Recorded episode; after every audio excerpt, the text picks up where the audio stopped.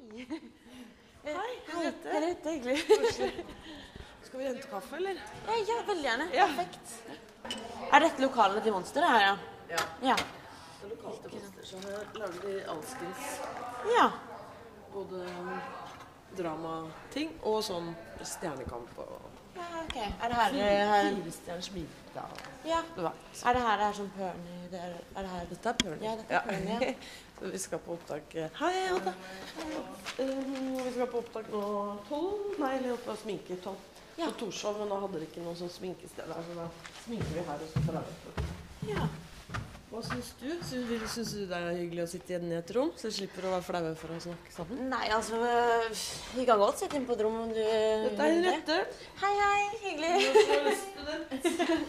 Men vi finner oss en telefonbooth. Booth. Ja, eller så er noen av de kontorene der tror. Ja, kult. Ja, Da gjør vi det, da. da gjør vi det, da. Så det ikke blir sånn bare i farta. Henriette Stensrup er i innspurten av innspillingen av sin egen dramaserie Perny. Det har vært vanskelig å få avtalt et møte med henne. Hun er travel og stressa.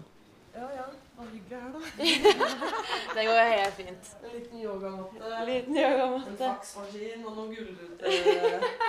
Perfekt, perfekt. Ja, ja. Trenger ikke noe mer enn det. Men kunne jeg bli med sminke etterpå, er det litt sånn uh, Du kan det, men det er litt fint hvis vi rekker å bli ferdig òg. Bare Ja, fordi jeg må se på litt tekst og sånn. Ja, jeg skjønner. Og snakke med han jeg skal spille med. Og... Ja. Ja. Ja, hvordan, er, du, er du forfengelig egentlig av det? Sånn med, med sminken og sånt? Eller eh, Ja, jeg er, jeg er det. Ja. Det er kanskje ikke sånn veldig troverdig at jeg sier det, men, uh, Jo, jo, ja. men jeg er det. Ja. Litt sånn avhengig av hva man Jeg er ikke så forfengelig i jobben min, hvis du skjønner. Hvis det er liksom en scene eller noe hvor det er stusslig, så gjør det ikke noe at man ser litt sånn stusslig ut. Men alle er jo litt forfengelige, da. Ja.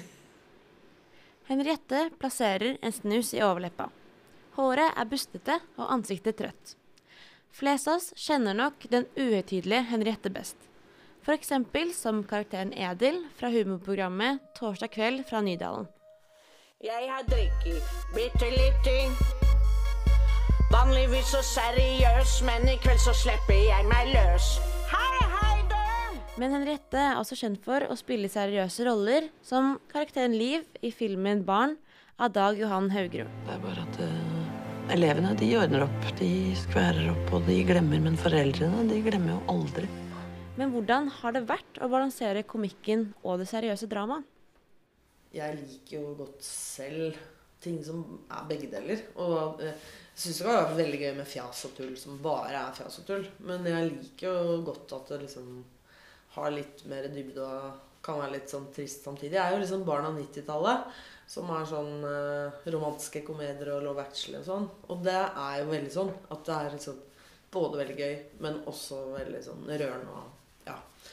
Så det er jo en sånn sjanger jeg liksom liker. Hva er det du liker med de rollene, eller hva, de rollene du har hatt med Haugre, da? Hva er det du liker med dem? Eh, nei, altså, Dag Johan skriver jo bare helt sånn fantastiske manus. Og lager sånn historier som jeg syns er veldig fint å få være med på. Eh, fordi de, Og de er jo virkelig ikke uten humor. Det er jo masse humor i filmene hans, selv i barn, som har en så seriøs eh, bakteppe og grunnhistorie på en eller annen måte. Og utrolig gode dialoger. Da. Det at folk snakker sammen, kan være morsomt nok å se på. da. Hvordan møttes dere, egentlig? Hvordan fikk være deres historie? Vi møttes på Vi er jo venner også. Det er bare derfor jeg får være med i filmen hans. Egentlig ville han ikke bruke meg som skuespiller. Nei da. Jeg begynte som ekstrahjelp i en platebutikk da jeg gikk i første gym på videregående. Som lå på Karl Johan. Som lørdags- og jule- og sommerhjelper. Eh, Og så er han ti år eldre enn meg, men jeg var veldig insisterende type. Jeg skjønte veldig godt at han her må jeg bli venn med. Og så ble vi det. Eh, og så har vi liksom fulgt hverandre hele veien. Han har vært forloveren min. Og som, han begynte jo å lage film Han er jo egentlig på en måte forfatter, eller sånn skrivende menneske, som også er veldig opptatt av film. Og så var det en kompis av han igjen som fikk han til å være med på en sånn Super 8-konkurranse, veldig sånn uhøytidelig. Og den var jeg med i. Og så um, ble den litt sånn plutselig var den på festivaler og sånn. Som var bare sånn som man hadde snekra sammen i Sofienbergparken-aktig. Eh, og sånn starta jo liksom både egentlig han og jeg den veien, da. Og så begynte jeg å søke KIO etter eh, videregående. Og det brukte jeg jo litt tid på, så da Ja, Hvordan eh, var det? Eh, nei, jeg tror det er sikkert sånn alle som søker teaterskolen, eller mange som søker teaterskolen, som har innmari lyst til å bli skuespillere. Ikke så ulikt. Hvis du har veldig lyst til å gjøre noe, så tar det veldig mye plass i livet ditt. Så jeg brukte jo veldig mye sånn energi og emo, emo på å søke den skolen. Men det som jeg tror som har vært bra med det, er at jeg tror at på en eller annen måte, selv om det er veldig sånn sårbart i 20-årene og skulle liksom finne ut hva man skal gjøre med livet sitt Når jeg nå først er skuespiller, så tror jeg kanskje at det har gitt meg en eller annen sånn form for sånn Jeg er jo en følsom type, men jeg tåler ganske godt yrket mitt.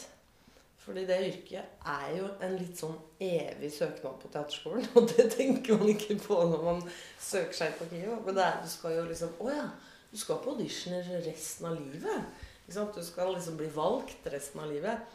Eh, men det tåler jeg litt, liksom. og ikke bli valgt, da.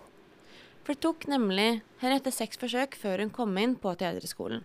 Men med Henriettes utstråling og selvsikkerhet er det vanskelig å se for seg henne i en usikker posisjon. Hadde hun noen gang en backup-plan? Nei, jeg hadde ikke det. Og det er jo også litt spennende.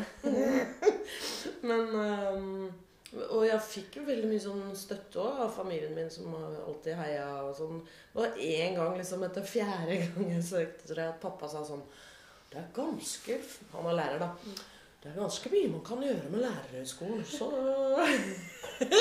Men det var liksom eneste gangen de på en måte prøvde å tenke at kanskje du skal se om du hadde, når jeg var liten, så tenkte jeg faktisk at jeg skulle bli journalist. At det var én av to. liksom. Så jeg hadde arbeidsuke i Aftenposten. eh, Og fikk skrive en notis om en katt som hadde forsvunnet. Og var liksom med på hele prosessen i avis. Fantastisk. Jeg syns det var veldig gøy. Og jeg har jo alltid likt å skrive, på en måte. Um, selv om jeg ikke liksom er uh, verken manusforfatter eller Men jeg skriver jo nå, da. Får gjort det, liksom. Etter Henriette og jeg har snakket sammen en halvtimes tid, begynner det å tikke inn masse meldinger på telefonen hennes. Hun lener albuene sine over på knærne og taster inn koden for å åpne iPhonen sin. Nå må jeg gå om to minutter. Ja, det På sminke. greit. På sminke. Men du kan få være med på det. Veldig gjerne. Så kan jeg bare si når du går opp, kanskje. Ja, absolutt. Hvis du blir plagsom. Ja, Hvis jeg blir plagsom, mer plagsom enn det det har vært. Nei, nå var ikke de her. Da vet jeg ikke hva jeg skal. Hjelp. Ok, da finner du. Um, jeg tror kanskje jeg må ringe. Lokalet til Monster ligner en stor lagerbygning med store vinduer fra gulv til tak, med utsikt mot Akerselva. Det er lett å bli stedforvirret blant alle korridorene og de mange grupperommene. Ja, hvor skal jeg være? Er det der, ja? Ok, takk.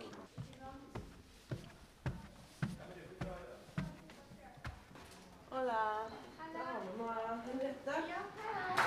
Det er Hanna. Inne på sminkerommet står Hanne allerede klar med hårbørste og sminkekost.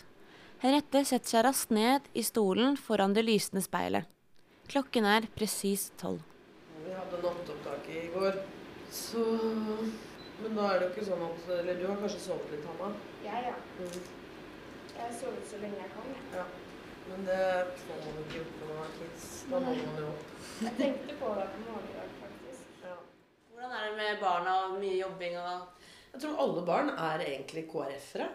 Som eh, kunne ønske at eh, far var på jobb og mor var hjemme. Og eh, at de holdt sammen hele livet. Men jeg veit ikke om det helt er mulig. Kanskje det er det her som er sånn det må være. At man liksom enten så forsømmer man barna sine, eller så forsømmer man jobben. Og så får de forhåpentligvis nok kjærlighet og støtte til at det går bra likevel. da. Hanna stryker sminkeosten over pigmentflekkene til Henriette. Øynene til Henriette beveger seg raskt over manussidene hun har i fanget. Det blir stille. Bare klikkene fra kameralinsen skaper lydbølger i rommet. Jeg kommer til å kaste ut eh, journalisten snart, vi får slutte. Litt Henriette smiler lurt, men bare med munnen. Det blir stille igjen. Det er tydelig at dette intervjuet nå er over. Journaliststudenten pakker sammen tingene sine og rusher ut døren.